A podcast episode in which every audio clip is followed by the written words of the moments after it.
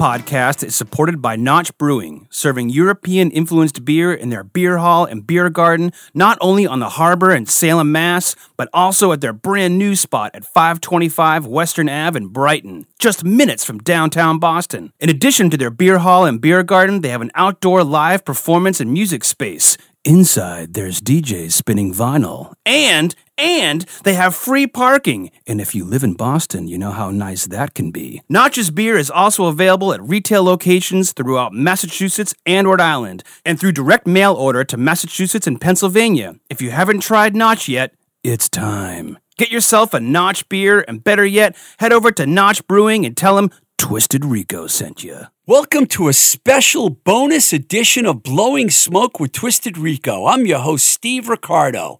Boston based spoken word star slash musician slash photographer slash director of the Sam Black Church documentary, Mr. Duncan Wilder Johnson, and myself recorded three shows together under the moniker of We're Coming for Your Band. On this, the third and final installment, we talk about bands that influence us that are from Worcester County, where we both grew up. Please relax and enjoy our trip down memory lane. So we have a slightly different show for you today. Instead of coming for a band, we're actually coming for a town, and that town is called Worcester, Massachusetts.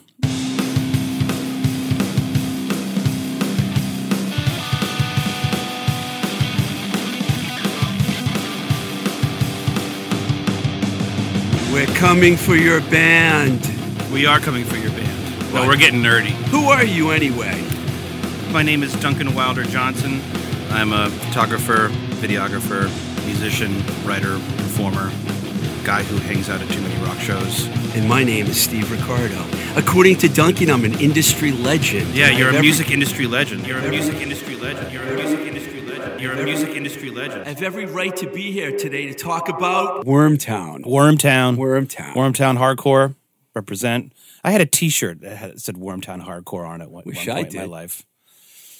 So anyway, we're going to talk about uh, this this kind of quirky, tough town in Central Mass, and we're going to talk about our various eras and bands of those times uh, of the, of that town. So, without further ado, Mr. Steve Ricardo of the Blowing Smoke the Twisted Rico podcast. Who are your favorite Worcester bands? Before I do get into that, I do want to mention two things. It's more kind of like Worcester County Yeah. because a lot of these people are from small towns. And the reason why we're True doing that. this is because we're both. Oh yeah, we're both from Worcester County. Yeah, you're from, I'm from Upton. and I'm from Webster. Yeah. I'm sorry to laugh when I say that, but I'm not really. Sometimes I'm proud that I'm from Webster, and other times I'm like, I don't even want to admit it. But Upton doesn't have the Upton doesn't have the same reputation though that Webster has. So I think Upton has a reputation for being a sleepy little town with really intense police force. really, Yeah, it, it, like I I met this kid who uh who was playing in a band and he was like, "Oh, I'm from Grafton." I go, "Oh, no kidding, I'm from Upton." He goes, "Oh man, tough cops." Tough. And I was like, "Yeah." I got harassed all the time for be, having long hair and walk, walking down the street. I got harassed for being young. Plus, Upton was so small, didn't they have to combine with other towns as far as the high schools go? Yeah, Mendon. Mendon and Upton together. What Mendon, was it, Upton. Blackstone Valley Tech or something like that? Well, no, Valley Tech is uh, several towns. It's like it's like eight or nine towns, like you know Millbury, and you know, and it's a vocational high school. So kids go there to, to learn, you know, how to be auto mechanics and carpenters and culinary arts and stuff like that. But I went to Nipmuc, which so which is Nip- which is Nipmuc which is Regional. two, yeah, which is just Mendon and Upton. And I went to Bartlett High School, and there's actually going to be someone in a band that went to the same high school as. I did. We had a slightly bigger town, more like 17, 18,000. So we had our own high school, unlike Upton. Yeah, Upton's a very very small place. But you had Dave Minahan. Yeah, Dave Minahan of the neighborhoods, uh, the famous Boston band, uh, came to my high school for Career Week, and uh, when I was a Wow, that must have been cool. junior, I believe, and uh, and I was blown away because I, I had kind of heard of him and I had kind of heard of the neighborhoods and stuff, but he came in and he was talking about like you know, selling T-shirts, getting to the one gig to the next, and that, and all the, the people he played with, and that he was about to go to New York City that week and try out for Paul Westerberg's band. Wow. And so I- it was around 93, 94? Yeah, and I was Yeah. and, and I was like the dude from the Replacements. Holy shit, you know. And and uh, and so I, I thought it was really great. My friend Ryan Campbell fell asleep during the whole presentation, oh. and I'm like, really, dude, really, wow. you know. And Ryan was a rocker as well, but uh, yeah. Dave came to Career Week, and then later on in life, you know, and I worked at Wonder Drug, and I was, you know, the spoken word guy about town with the with the posters all over the place. I was like, "Hey, you're Dave, right?" And he goes, "Yeah." I go, "I'm Duncan." He goes, "Oh yeah, the guy with the hand going like this with the metal hand guy." You know? I go, "It's gonna get weirder." I go, "I'm I'm actually from Upton, and you came to Career Week, you know." And like, and uh, and Tammy Johnson is my is my aunt. I think he went to high school with her. He's like, "Oh my god," you know, like it was just totally That's cool. totally weird. And then my uncle Dexter is uh, really tight friends with Dave's younger brother Steven. Stephen Minahan. I was hoping Uncle Dexter would come up in this conversation. Dexter got me into Gang of Four and the Minutemen. All That's pretty praise cool. there, man. The Minutemen. He's got good taste.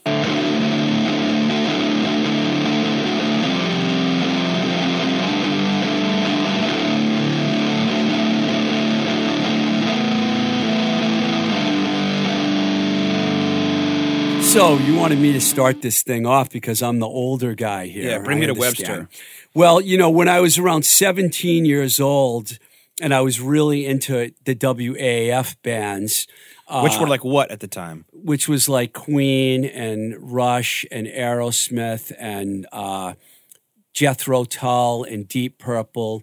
It was a classic. Well, we call it classic rock now. Back then, it was album oriented rock, AOR radio. So that's what I listened to.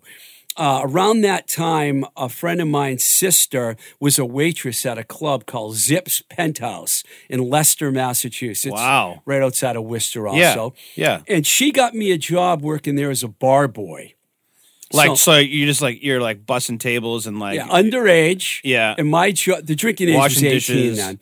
And what my job was was to, to wash glasses and make sure the bar was stocked with ice and booze and whatever they needed.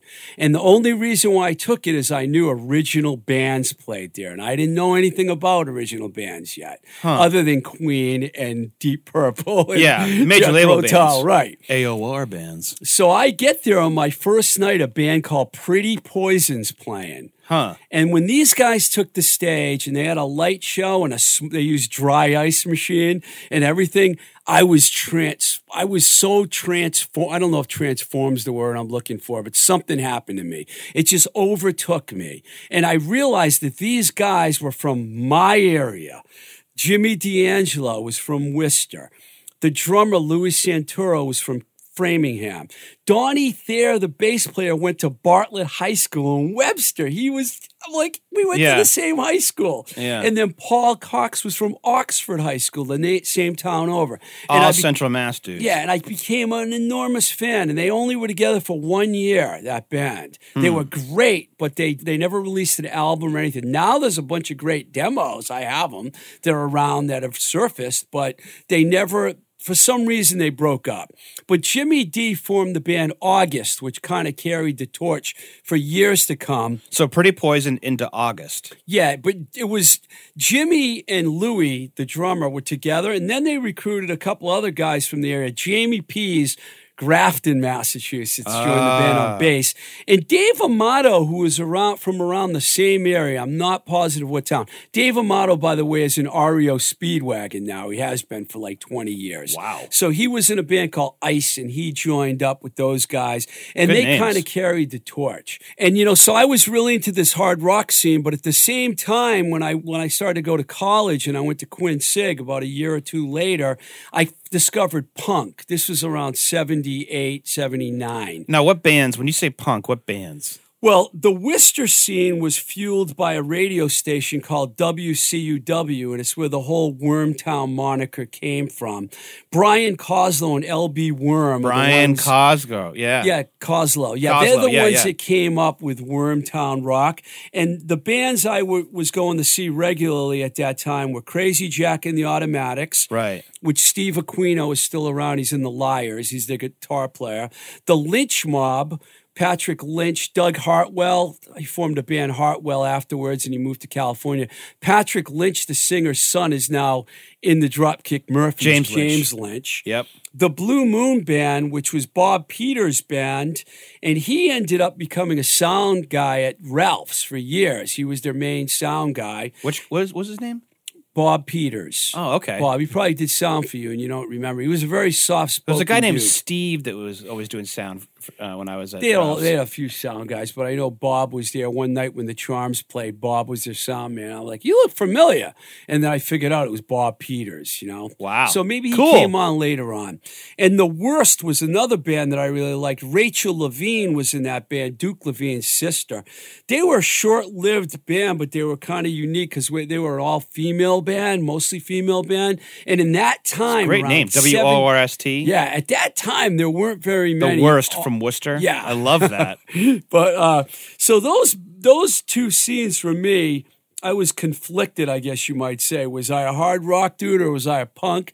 I kind of led more led more towards the punk side. Ended up becoming more of a punk. that was like a that was also a, a like a like a controversial thing in the back in the day. two separate scenes. Yeah, exactly. Like when I was a, a little kid, you know, it was like you know, I could I could like metal or I could like punk. Like you couldn't like both. It's just the most ridiculous sociological thing ever. Yeah. You know.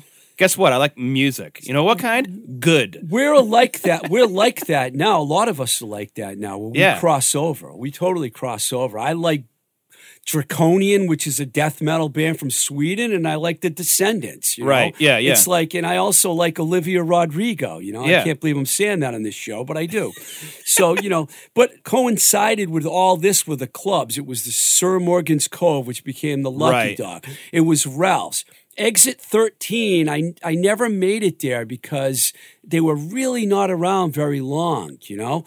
But they, a lot of touring bands would play there. And then the Espresso Bar came, and that's what I wanted to mention. When I was gone for a long time in California, New York, and I came back around 97, 98, all of a sudden there was this new scene going on. Yeah. Chillum and and Seventh Rail Crew and and Force Fed Shovelhead and all these bands had Totally. emerged. You know, I actually worked with Chillum and I booked them for a while. They were part of this No Sleep Till We Can't Get Booked Anymore tour with every second feces, feces, pieces, and humans being. So I got to follow that. What was scene it called? No sleep till we. can't get booked anymore. We had, we made T-shirts and everything, and I was booking all those.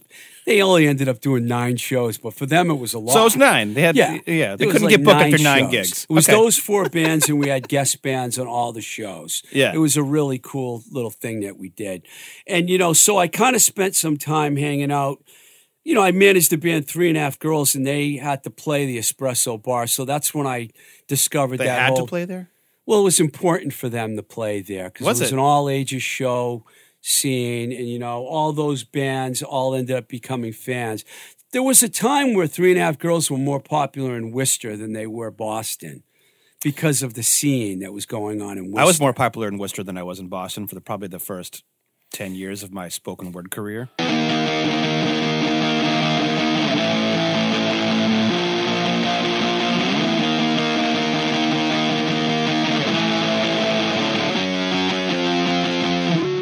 When you look at Totally. Worcester and you subtract the whole Wormtown punk scene, it was a real like heavy metal, heavy, heavy scene there, you know? Like that whole rap core thing they, that started Yeah. with those bands, you know? Like we I mentioned Seventh Rail Crew, you know, and those bands, they kind of started that. And then that's when all of a sudden the, the turnover happened. And you know, you should pick it up from here because The turnover? What do you mean by turnover? well, it it kind of turned into a different kind of scene when all these other bands started getting bigger. Like Overcast, I think, was one of the first ones Yeah. that came along. I mean, you said you started listening to music in the early '90s, but you weren't really late eighties. late '80s. Pick it up from there and tell tell us what Yeah. you were, what So- you were doing.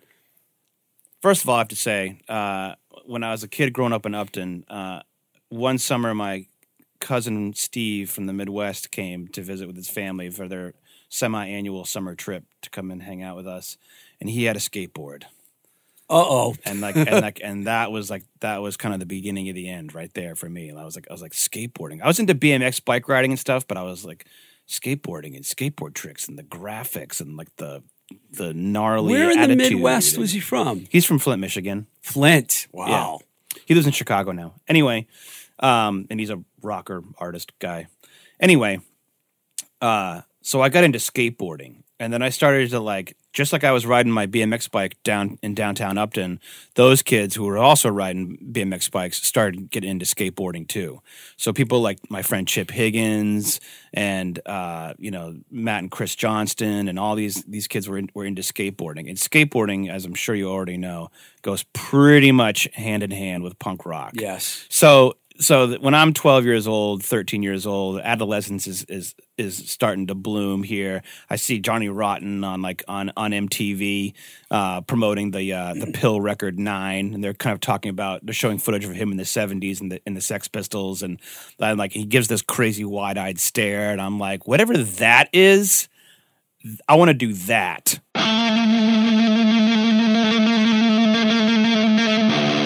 And and and I, when I look at it now uh, in my in my 40s, I go, oh, it's just sort of this like idea that like I want to feel powerful. Like when I was a really little kid, I was into into superheroes, you know, because Were like- were you superheroes would transform from being these mild mannered, kind of nerdy, like awkward people into these absolute, uh, you know, abo- abolishing heroes, you know, that would save the day. Were and you in a and mu- music is the same kind of thing. It's like there's a guy who's off stage, but then you put the mic in his hand, Yeah. and something Were you else. like in a small clique in your high school? Because I Oh, always yeah. felt like I was in a really small. None of no. it's only me and like Johnny Searles and Andrew Usher and Chris Gooch at this at, at this time, and then Chip Higgins and all these older kids like Josh Cole's older brother Jeremy, they and, and Mike Allen, Mike Allen who's now in the Jacklights. Uh, all those kids were were older. They were all four and five years older than us. So like we're in eighth grade, they're seniors in high school. You know, so we're getting you know they get the Doc Martens before we got the Doc Martens. You know, like th- they got they got that Fugazi tape before before we did, and so they completely influenced all the things that we were getting into, along with this mixtape that changed my life that I keep referencing from Mark Lammy, my mom's coworker, and my aunt Nisi, who gave me all of her 12 inches and Cure t-shirts and stuff. But the thing is, is that these kids who were the older kids who, who were skateboarding, they started a band, and that band was called Neo Cerebral Subculture.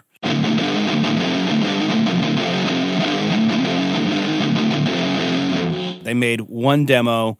Uh, they were comprised of Chip Higgins on vocals, J. Cole on drums, uh, Pete DeGraff uh, on bass, and and Mike Allen on guitar.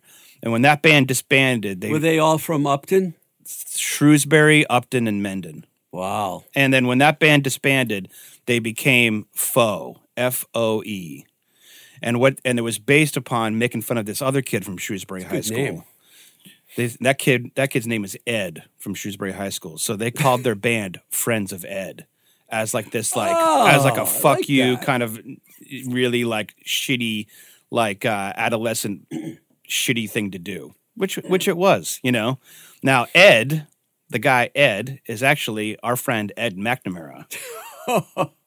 so so at, at the time, the, the the the the big club, the big or not even it's not even a club. It was it was an it was an art space called the WAG, the Worcester Artist Group on Harlow Street, and Foe would play at the WAG all the time. And those guys were had just graduated high school, and they were g- going to like Worcester State and stuff. And they started this, you know, they started booking these shows at the WAG, and so that you know the Mighty Mighty Bosstones would come through as a local band, and Foe would open, and Seven League Boots would come through, and Foe would open, and the WAG was like the hot spot. The other other all ages spot was the QVCC, which was a like a community club. And uh, but it was mainly the WAG, mainly the WAG on uh, on Harlow Street, and Ed, and Ed Ed McNamara and his brother Phil were main like promoters and and did sound there. And, they're had- Shrewsbury going- guys? yeah, they're from Shrewsbury. So the WAG was like this hot spot, and I kept on wanting to go to the WAG, but my mom wouldn't let me.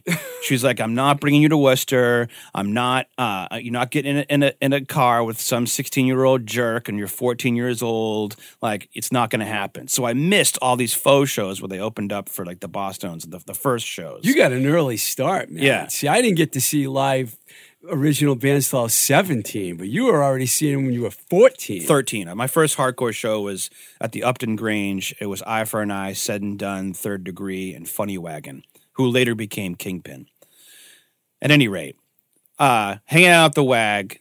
Uh, the WAG is like is like this hot hot shot place. I, l- loved going there. Uh, by the time I was 15, I was in high school. My mom would let me go to the WAG every now and again. In the summer between ninth grade and 10th grade, I went to the WAG because it was like a Thursday night or something. There was nothing better to do. And this band gets on, on stage, and the band is called Overcast. And I heard that they sucked. They were just really lame. They covered uh, EMF's unbelievable. they were like just like they were just lame. That's what that's what I heard. So I'm like, so I go there uh, basically because I'm bored and have nothing else to do, and I'm just hanging out there with my friends, and I'm expecting a really bad band to play. This band counts off. They play this like super heavy riff. They stop in the middle. The singer goes, ooh, then they come right back into it, and they're tight as hell. And I'm like, this band is awesome. if they had sucked, the sucking is over now, and they were they were they were awesome. And that's the band with Brian Fair was Yeah. the singer So the at the time the the band Milford High School. Brian Fair, pre dreadlocks. He had a little afro. Um, uh, he's from Milford High, and then uh, Mike D'Antonio from uh, from Ashland. The two those two guys started the band, and they they met skateboarding. Pete Cortese from Milford, Sean Rounds from Milford, and and Jay Fitz, Jason Fitzgerald from Milford. His mom lived on Annie J Lane. That's where they practiced. At any rate, I go into my first day of 10th grade, and who's walking down the hall but the kid with the mullet who plays guitar in Overcast. And I'm like, that's the kid in Overcast. And then afterwards, it was like, you guys want to want to hang out? And we're all I'm hanging out with all like the stoner metal dudes. And this guy Pete from Overcast is hanging out with us, and he's like kind of quiet, but he's really nice. And I went, ended up going to like pretty much every Overcast show that was in a 20 mile radius of my house. They played in Framingham a lot. They played in Worcester a lot. They eventually got all around. They played. They got really big in Connecticut. Were they like doing the Lucky Dog when you say Worcester? They were playing uh, the WAG, uh, eventually the Espresso Bar. They played Denison Hall in Framingham a lot. They eventually got out to Western Mass. They played at the Tune In in Connecticut a Oh, lot. I remember that room. Oh my Uh, god! they eventually got to, they eventually got to Boston. You know, they played the Paradise and stuff. Um, when everybody kind of graduated high school and went into, went to college, and like you know, Brian went to BU and I went to Mass Art. You know, so Overcast would would start playing Boston clubs. You know, a lot more.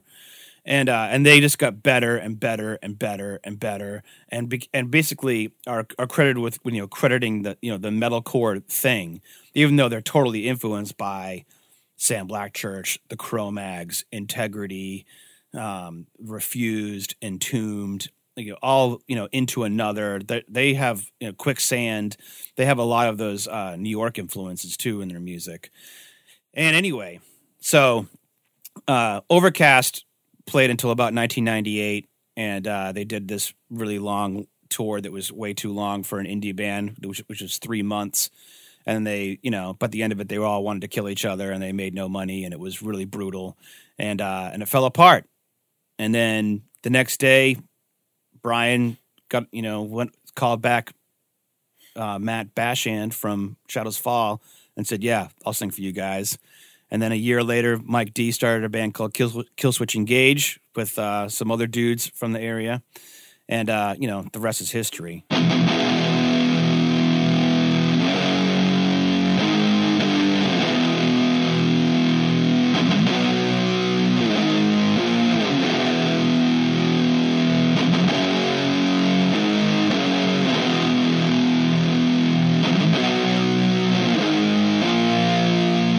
I just say one thing about Overcast because Sure. I didn't I didn't really know much about them except I heard of them, and then when I went I checked them out. I ended up listening to a record they put out in 2008, which was like a reunion record. yeah and because I heard it's on this, Metal Blade. Yeah, I heard this song called "Apocalypse Upon Us," and I was like, "This is cool," and that really was good, man. They really blew me away, man. As a whole is my favorite yeah, it made me go back and revisit their earlier stuff. I just wanted to mention that. It's funny. I listened to a lot of it uh, on the way in today, and I listened to like all the demos, and like I'm sitting there going like, these recordings are like are awful compared to their like their later recordings, you know. especially the stuff they did in their other bands. But uh, but at the time, I remember thinking it was so great. Like you know, all these bands had these crappy, crappy demos. But I but and I listen back to it, I go, it, but it it it pings this Those thing in the back of your memory. demos is so valuable now. You know, Whenever but- you find an old demo by an old band, you and you tell people, "Oh, I wish I had that." You know, they, the demos are like really popular. They're valuable, but I mean, but I you know? mean, as far as the quality of recording, they're Oh, all yeah, like they all sound like these like super mid rangey DAT machine. yeah. And at the time, I thought it was incredible. You know, I thought it was like awesome. It was the best thing ever. And now that I've you know recorded and made records and worked with other people and stuff, I go these these are not really very good recordings. you know, compared to the the thing they made in 2008 on Metal Blade, the uh, Reborn to Kill Again. That's incredibly well recorded. That's recorded by Adam Dutkiewicz from Killswitch. Did they do that in Western Mass in the studio? Yeah. Yeah. really good. I mean, they like were also they were also better musicians by that point. They had Yeah. been they had been in other bands for ten or fifteen years. Yeah. You know. All right, so back to Ed McNamara, the you know the Friends of Ed uh, guy. So Ed, uh, you know, had a, a band called Iris, you know, and they played at the WAG and stuff, and you know they did their thing. I have I have a one live recording of them, but then he made this other band with the kid from Stricken for Catherine, Joe Grillo, and that band was called Garrison excellent band. and this band was Oh, I didn't really know much about them, but Phil told me he's like, "Oh yeah, you know my brother Ed." I go, "Yeah." He goes, "He has a band called Garrison, and they're signed to Revelation Records." And I was like, "They're signed to Revelation Records, really?" So I just went to Newbury Comics and bought the record just just because Phil told me, and I was like, I was like, I like this. It's kind of more what most people would call emo, emotional hardcore, or melodic hardcore. You know, it's not tough you know there's definitely angry parts but it's but it rocks and uh and i bought their first ep the bend before the break. And uh eventually i kept on running into ed and i kept, then i you know I, then i met joe. Uh, i met him at the i met him at the the gas station because he was walking down the street with this girl denise marks that i went to mass art with who i was friends with. And they were dating dropper. and I was like, and I was like, oh, you're Joe Grillo and Garrison. I have, I have your, I have two of your records, you know, and uh, and so anyway, I became, I, I really like that that music. And What's uh, that double album that it, I heard it not too long ago? They have a double album out. It's on colored vinyl. Ethan plays on some. Oh, of the it's like it's like the. B sides and stuff. Yeah, It's really good. When I It's heard too- that, yeah, it's- yeah. fantastic. yeah, that recently came out. TV or not, or or the Atom Bomb. So those are older recordings that Older they recordings. put out. yeah, How on old? vinyl. Although they stopped playing in like 2003 or four. That long ago? Yeah. Wow. So I was I was actually uh, I in 2003 I went I had a really bad breakup and I split town and I went to Europe for two months and those to have guys were in, those guys were in in well it's a long story I don't have a, lot of money and I don't come from money either but anyway Just uh, I went teasing. to I was in Europe and those guys were in Europe too and I and I hooked up with them and I became their uh, what they dubbed me as bad metal merch boy bad metal merch boy bad bad metal merch boy. And uh, and they were, and that was one of their last hurrahs, you know, because they they were at that point they were not getting along and not having fun, and but uh, yeah, I, but I you know I did their merch for like the last two weeks of their tour, and then uh, when they got sick uh, and couldn't sing well, they brought me up, and I like and I and I did uh, their song uh, "Come On Die Young" from their Silhouette EP, and uh, yeah, it was awesome. Like like so, it, I love the fact that this bit this Worcester band Garrison like they played Worcester, they did all the Worcester stuff that you normally would do, and then they just tore their faces off, and they and they were they were they became bigger in Italy than they didn't than I they did were in Worcester. I did not know this about Yeah. them. That is fantastic.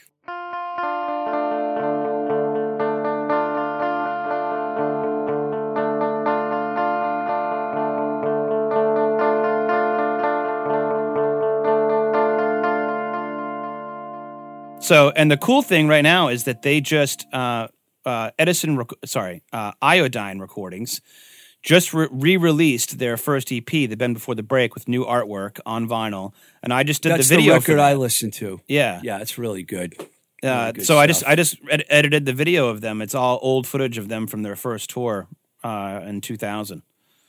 I did. This is fascinating. So those are my Worcester bands: Yeah. Garrison, Foe, and Overcast. And then there's always peripheral things around there. And I also have to give a shout out to to uh, to Eric Spencer uh, and the espresso bar because the espresso bar is where I got my start doing spoken word summer before I went to Really? Mass Art. Yeah. I was like, I was kind of frustrated being in a band, and I thought I heard Henry Rollins, and I was like, let me try that. And I got up there and on stage and sucked Thursday after night after Thursday night for like six weeks, and then I finally started getting like a couple of laughs. And then I went to Mass Art, and then I did a lot of spoken word there. But I always, but I played the espresso bar all the way till the end. You know, I played the espresso bar all the time. I opened up for Hatebreed at the espresso bar. It's fantastic. And I'm wearing right now, you you know, you radio listeners can't see, but I'm wearing my Dive hoodie. And Dive is a Twin Cities hardcore band uh, starring uh, Kevin Rowe on vocals, who uh, does work, a lot of work for the Dropkick Murphys now. And uh, and the drummer of Dive is the is the drummer of the of the Dropkick Murphys. It's And interesting. shout out to Scotty McCoo because Scotty McCoo was uh, was in was in Dive and then he was in Overcast. It's interesting we're talking about Worcester because it, a huge venue ended up coming out of EM Loew's. I used to go to EM Loew's. First time I saw Fugazi was there. I saw X there with the unattached Oh, opening. dude! There weren't even like a hundred people in the crowd when You're I went kidding that me. show. I remember it clearly. The unattached thought it was the biggest show they're ever going to have in their lives, and nobody came to see X and Worcester.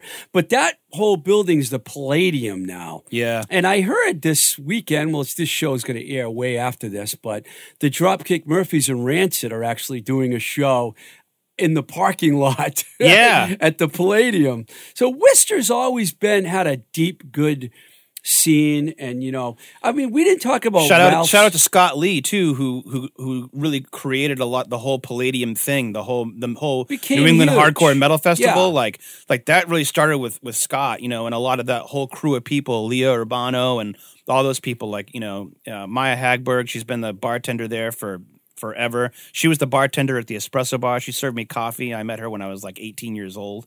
So, um, you know, and also I have to say this uh, connection to the Palladium. I'm pretty sure that the biggest hardcore show in attendance wise ever on record in America was recently at the Palladium outside for the Have Heart reunion. That band Have Heart. Oh, yeah. I heard about that. That was huge, I heard. They over. Over capacity or whatever, Yeah. Even though it was outdoors, I saw a So lot the of hardcore metal thing in Worcester are like, Yeah. you know, they fit together like a glove. I saw uh, Dovetail right Anthrax at, at the Palladium, Motorhead, Judas Priest. A lot of great bands have played there. Slayer, gr- big Fugazi. venue, big big venue. Um, You know who else played that that same room? Who, Who? also performed in that same room or spoke in that same room? Abraham Lincoln. Abraham Lincoln. Abraham Lincoln gave a speech Loew's? in, in that in the building that is now at the Wow. Palladium. Well, you And really- I and I also. I also performed there. yeah. You and how can Me you and go Abe. wrong? Duncan Wilder Johnson and Abraham Lincoln. Yeah. doesn't get much better than that. I want to just take a step back for a second here because I, when I talked about Jimmy D'Angelo and Jamie Pease, they're both no longer with us now. They both passed away, and they're like two of the most legendary hard rockers ever to come out of the Worcester scene. You know, one grew up right in Worcester and one's from Grafton. And I always think about those guys. They were like, what they had to do, they kind of set the tone for everybody else. Because doing original music in the late 70s, you know, in a, a local Yeah, it was weird no then, right? records out, you know, Yeah. there was no, they didn't have, you know, It was kind of like not done. yeah, you're not on a major label. You're not playing the Boston Garden or the Springfield Civic Center. You're playing in clubs, you know, small clubs. Right. There was the Sanctuary, which was in the old Worcester Center. It's not there anymore. The Worcester Center Galleria had a club called Sanctuary. I totally just Huh. remembered it.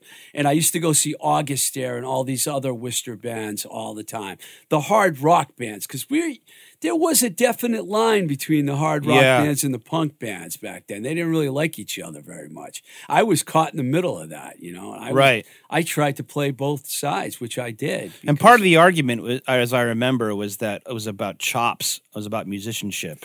It was like they can't have a band; those guys can't play, and they were like, "Fuck you! We can, have a band. We can do whatever the hell we want. Watch us." It's funny. I watched Which this- I love that because it's like yeah, it's it's it- it's like can't. it's like guess what? You know what? I don't have to do your rules.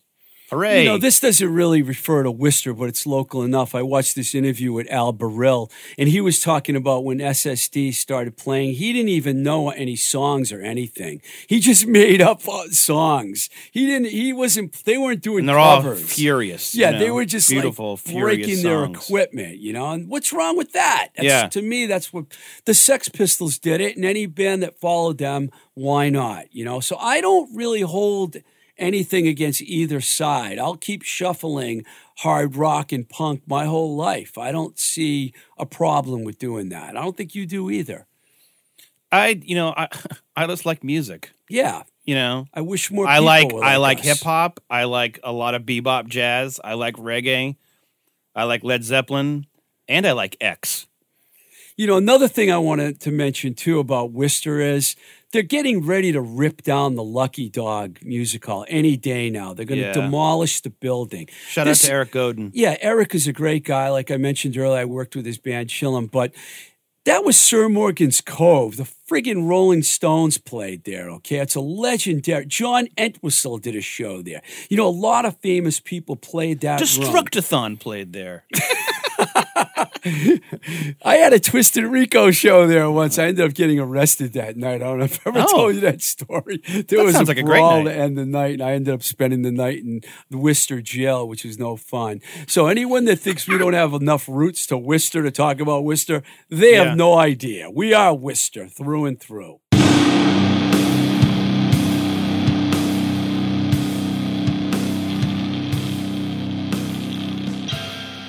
Once again, you've wasted precious moments of your life listening to a podcast.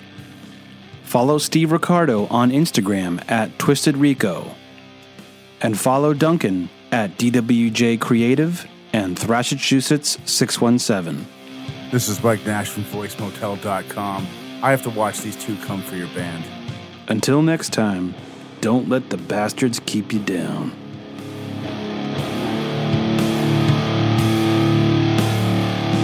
Thank you to everyone that supports this show on patreon.com forward slash twisted rico. You can also support the podcast on Anchor, which some of you have done and more of you can do it. Anchor.fm forward slash blowing smoke TR, which is actually where the official website for the podcast is.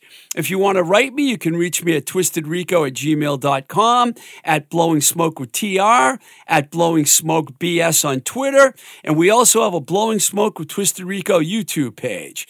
Thank you very much to Mike Nash here at Voice Motel in Somerville for engineering the show. Till the next time we say goodbye, this is Blowing Smoke with Twisted Rico, and I'm your host, Steve Ricardo. Keep the rock and roll alive.